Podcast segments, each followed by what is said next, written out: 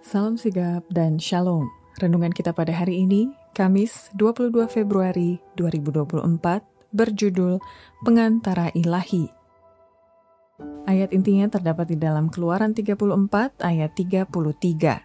Setelah Musa selesai berbicara dengan mereka, diselubunginya lah mukanya. Pena Inspirasi menuliskan judul renungan kita pagi ini, Pengantara Ilahi, yang tidak lain dan tidak bukan adalah Yesus, nama di atas segala nama, agar supaya kita bisa mengalami pengalaman pribadi dan dapat memaknai dan merasakan sentuhan kasihnya, dan lebih memperkaya perjalanan hidup ini, sampai kita kelak bisa bertemu dengan dia, muka dengan muka di surga, sebagai berikut.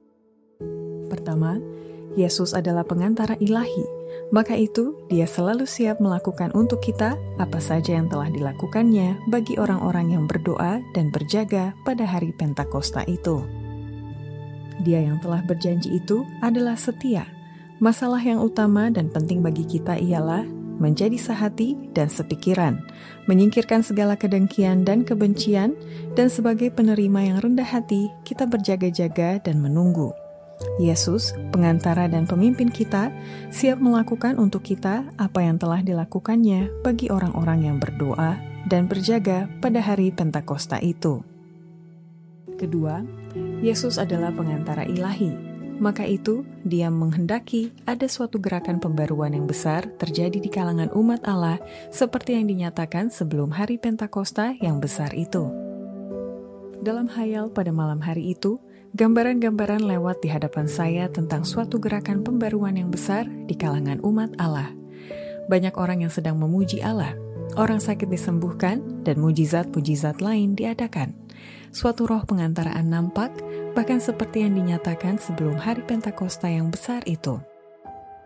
Ketiga, Yesus adalah pengantara ilahi, maka itu dia mengharapkan ada penyerahan diri umatnya kepadanya untuk menjaga kepentingan pekerjaannya Gantinya mereka berduka cita dan tawar hati.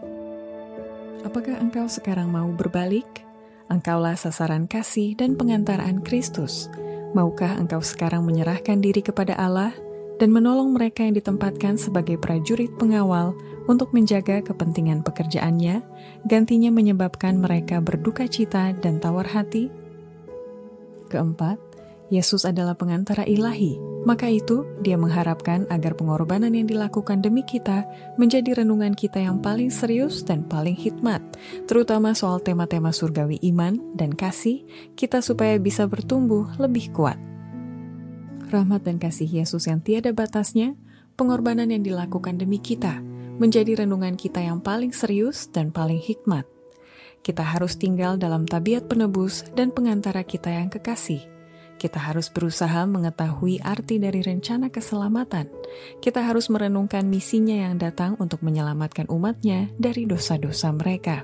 Oleh senantiasa merenungkan tema-tema surgawi iman dan kasih, kita akan bertumbuh lebih kuat. Kelima, Yesus adalah pengantara ilahi, maka itu dia mengharapkan agar imajinasi kita berpegang pada perkara-perkara yang tidak kelihatan dan pemikiran-pemikiran kita diarahkan pada kenyataan kasih Allah yang besar. Gantinya memikirkan keputusasaan, pikirkanlah kuasa yang bisa engkau tuntut dari nama Kristus.